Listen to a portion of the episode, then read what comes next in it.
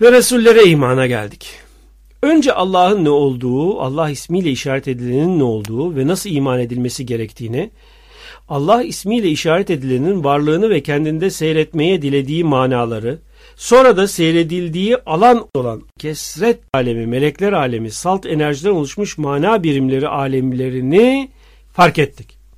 Ayrıca bu bölümde alem kitabının kelimeleri, harfleri, sureleri, ayetleri hükmünde olan melekleri, bu meleklerin veya harflerin oluşturduğu kelimelerin meydana getirdiği Kitabullah'ı anladık. Şimdi sıra geldi bu kitaptaki bilgileri, manaları insanlara ulaştıran nebilere. Yani nübüvvet göreviyle görevlenmiş kişilere ve rasullere. Bu rasullere iman kesin zorunlu. Çünkü iman etmediğin takdirde ondan yukarısını fark edip bilmene haberdar olmana imkan yok. Resulden yukarısı olan kitapları, melekleri ve Allah'ı bildiren Resul. Resul olmasa senin bunu anlayıp bilmene, duymana imkan yok. Şimdi bu Resulü anlarken olayın önemli olan iki yanı var. Bir tanesi herkesce bilinen yanı. Diğeri ise hassu lavas olan zatların bildiği bir yanı. Biz de onlardan duyduğumuz, öğrendiğimiz yanı yani bir kısmıyla sizlere nakledeceğiz. Resul vahiy yoluyla aldığı ilahi hakikati beşere nakleden insan, kişi. Resul bir diğer anlamıyla ilahi hakikati bir alt boyutta ortaya çıkaran aracı kat anlamında. Nitekim Kur'an-ı Kerim'de yalnızca peygamberler için değil, melekler için de Resul tabiri kullanılıyor. Melekler de Allah'ın Resulleri olarak geçiyor. Zaten o yüzden biz Cebrail aleyhisselam diyoruz. Aleyhisselam tabiri kime kullanılır? Resullere ve nebilere kullanılır. İşte risalet görevi yapması ve Kur'an'da da meleklerden Resul diye bahsedilmesi sebebiyle Cebrail aleyhisselam, Mikail aleyhisselam, İsrafil aleyhisselam diyoruz. Melekler bizim dışımızda birer kişilik sahibi varlık olduğu gibi ayrıca bizim yapımızda da birer boyut veya katman olarak mevcutlar. Yani risalet boyutu aslında hepimizin nefsinde var olan bir mertebe ya da katman. Ancak risalet boyutu diyoruz. Nübüvvet görevi demiyoruz. Bunu iyi ayırın nübüvvet göreviyle risalet yani rasullük ayrı şeylerdir.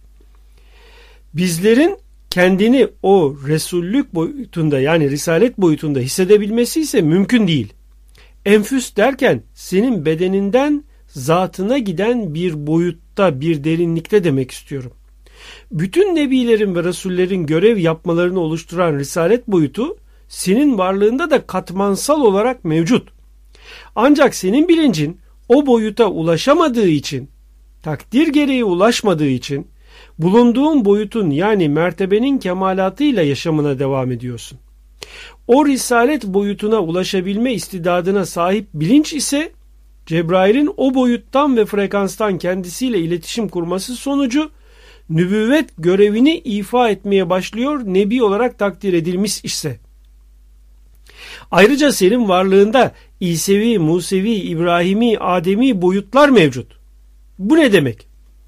Yani bu peygamberlerin ortaya koymakla görevlendiği hakikatlar esas olarak senin varlığında da mevcut. Ancak sen varlığındaki bu hakikatları keşfedemezsin.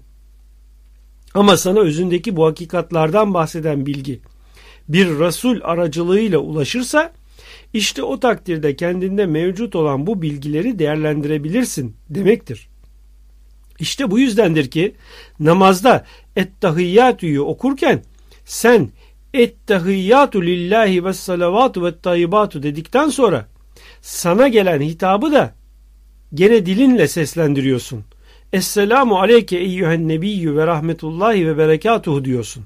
Şimdi burada dikkat edilmesi ve fark edilmesi son derece gerekli ve önemli bir incelik mevcut.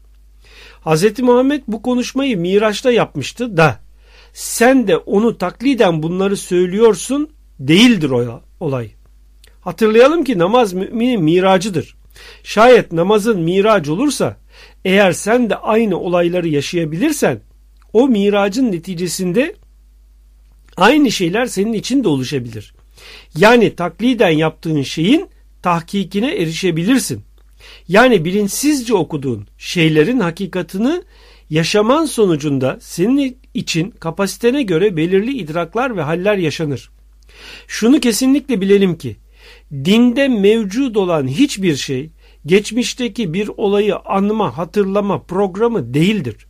Şayet o şeyin yapılması önerilmişse yapılacak o şeyin bil fiil yapan kişiye getireceği bir takım yararlar söz konusudur. Mesela Hz. Muhammed Mustafa Aleyhisselam'ın Miraç'ta ulaştığı son noktada okuduğu Ettehiyyatü diye bilinen tazim ifadesini ve buna alınan cevabı biz falanca yerin bilmem kaç sene evvelki kurtuluşunu anma gününü kutlar gibi miracı kutlamak için tekrar etmiyoruz. Anlamaya çalışalım. Namazdasın ve miracı gerçekleştirdin. Bunun sonucunda hitap ediyorsun. Ettehiyyatü lillahi ve salavatu ve tayyibat diyorsun. Ve buna karşılık Allah'tan hitap geliyor. Özünden, zatından kaynaklanan bir biçimde ve o anda söyler dilin oluyor. Esselamu aleyke eyyühen nebi ve rahmetullahi ve berekatuhu. Burada daha fazla derine girmek istemiyorum. Ancak bilelim ki sende o nübüvvet katmanı ya da bir başka ifadesiyle o boyut potansiyel olarak mevcut. Ve bu o boyut sende açığa çıktığı takdirde peygamber olabilirsin. Ne var ki bunun kendisinden sonra bir daha gerçekleşmeyeceğini de Hz. Muhammed bildirmiştir. Yani Hz. Muhammed'den sonra Nebi gelmeyecektir ve kimse de bu nübüvvet boyutunun gereği olan görev ortaya konmayacak, açığa çıkmayacaktır. Hepimiz netice olarak aynı Allah isimlerinden meydana geldiğimiz için zat ve sıfat mertebeleri itibariyle hepimizde aynı kemalat basamakları veya katmanları potansiyel olarak mevcuttur. Gerek Allah ismiyle işaret edilen varlığın zatı ve gerekse varoluşun tüm mertebeleri boyut boyut katman katman varlığımızda mevcuttur. Ne var ki bu kemalatın açığa çıkması için yapımızı oluşturan isimler bileşiminin el vermesi zorunludur.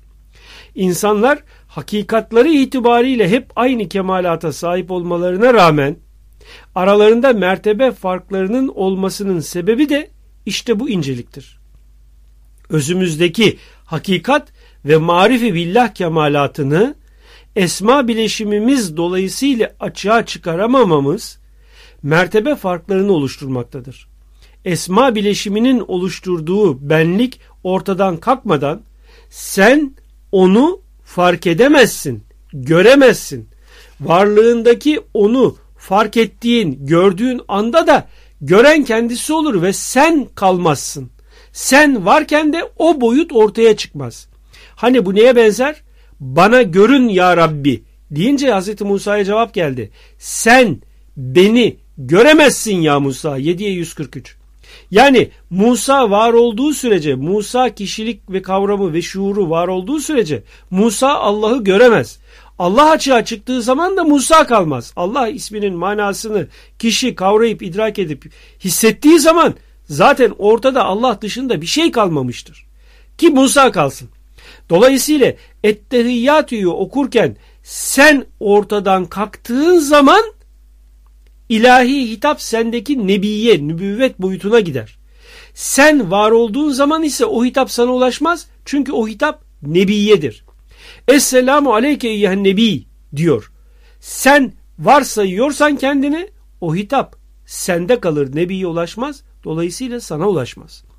İşte ilahi hakikati tanıma, Allah'a erme, Allah'a vasıl olma dediğimiz aşamalar içinde Resul'e iman, Nebiye iman bu yüzden çok önemlidir. Ayrıca burada şunu da düşünmek lazım. Niye Nebiye iman değil de Resul'e iman? Neyse bu da ayrı bir konu onu da isterseniz siz düşünün. Evet, genel basit anlamıyla Resul'e iman gereklidir. Çünkü Allah gerçeklerini sana tebliğ ediyor. Bu bildirimin neticesinde de senin geleceğe dönük yaşantın söz konusu. geleceğe dönük gerçekleri bilip öğreneceksin ki ona göre tedbir alıp korunasın. Gelecekteki tehlikelerden korunman gerektiğini sana bildiren Resul. Bu korunmanın nasıl olacağının açıklamasını Hz. Muhammed Neyi okudu isimli kitabımızda geniş olarak yaptık. Korunmak isteyenlere Resul'e iman iki sebepten önemli ve gerekli. Birinci sebep sonsuz yaşamın boyunca karşılaşacağın tehlikelerden, azaplardan, sıkıntılardan, sana sıkıntı verecek olaylardan korunabilmen için Resul'e iman etmek zorundasın. Bunun için de bir takım çalışmalar yaparak tedbirler alman zorunlu. İkinci sebep olarak da Resul'e iman etmen gerekiyor ki kendi derinliğine, özüne inesin, derinliğinde, özünde ilahi hakikatları bulasın. Allah varlığı ile kaim bir varlık olduğunu anlayasın.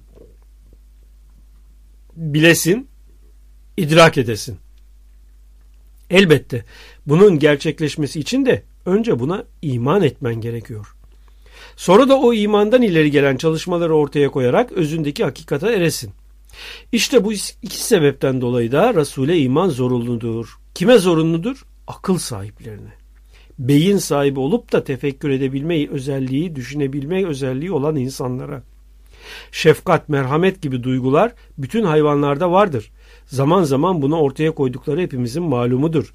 İnsanı hayvandan ayıran özellikse şefkati, merhameti, iyilik yapması değil, akıl sahibi olması ve geniş tefekkür gücünün bulunmasıdır. İnsanın şerefi aklı kadarıyladır. Güçlü akıl ise iman zorunluluğunu rahatlıkla fark edebilen akıldır ve de fark edebilir. Elbette ki bu iman kendisine en yakın olandan başlayacak ve Resulün kendisine yani Resullüğüne olacaktır. Onun Resullüğüne iman edecektir ki daha sonra da Resulün bildirdiklerine iman etsin. Ve böylece aklıyla iman yolunda yürümeye başlasın. Bu arada Resul'e iman hususunda bir inceliği de gözden kaçırmayalım. Bizler Resul'e iman ile mükellefiz. Bu konuda muhatabımız Muhammed Mustafa aleyhisselamdır. Bize tebliğatını yapmıştır.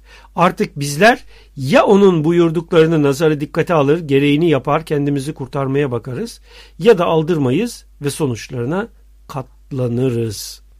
Resulullah ile kişi arasında ne mertebede veya etikette ünvanda olursa olsun hiçbir din görevlisine yer yoktur. Esasen din görevlisi diye bir şey yoktur İslam dininde. İslam dininde ne teşkilatlar vardır ne müesseseler ne cemaat kuruluşları.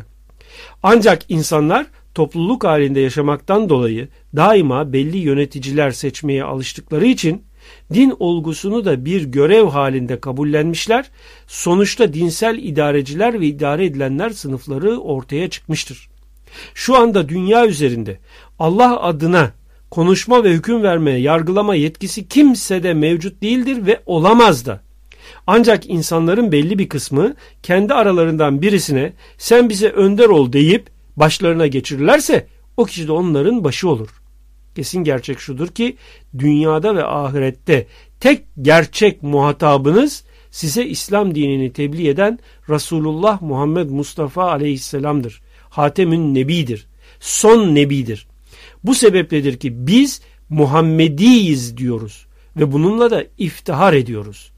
Evet Resul'e imanın gereklerini de sanıyorum böylece anlattık. Şimdi sıra geldi vel yevmil ahire.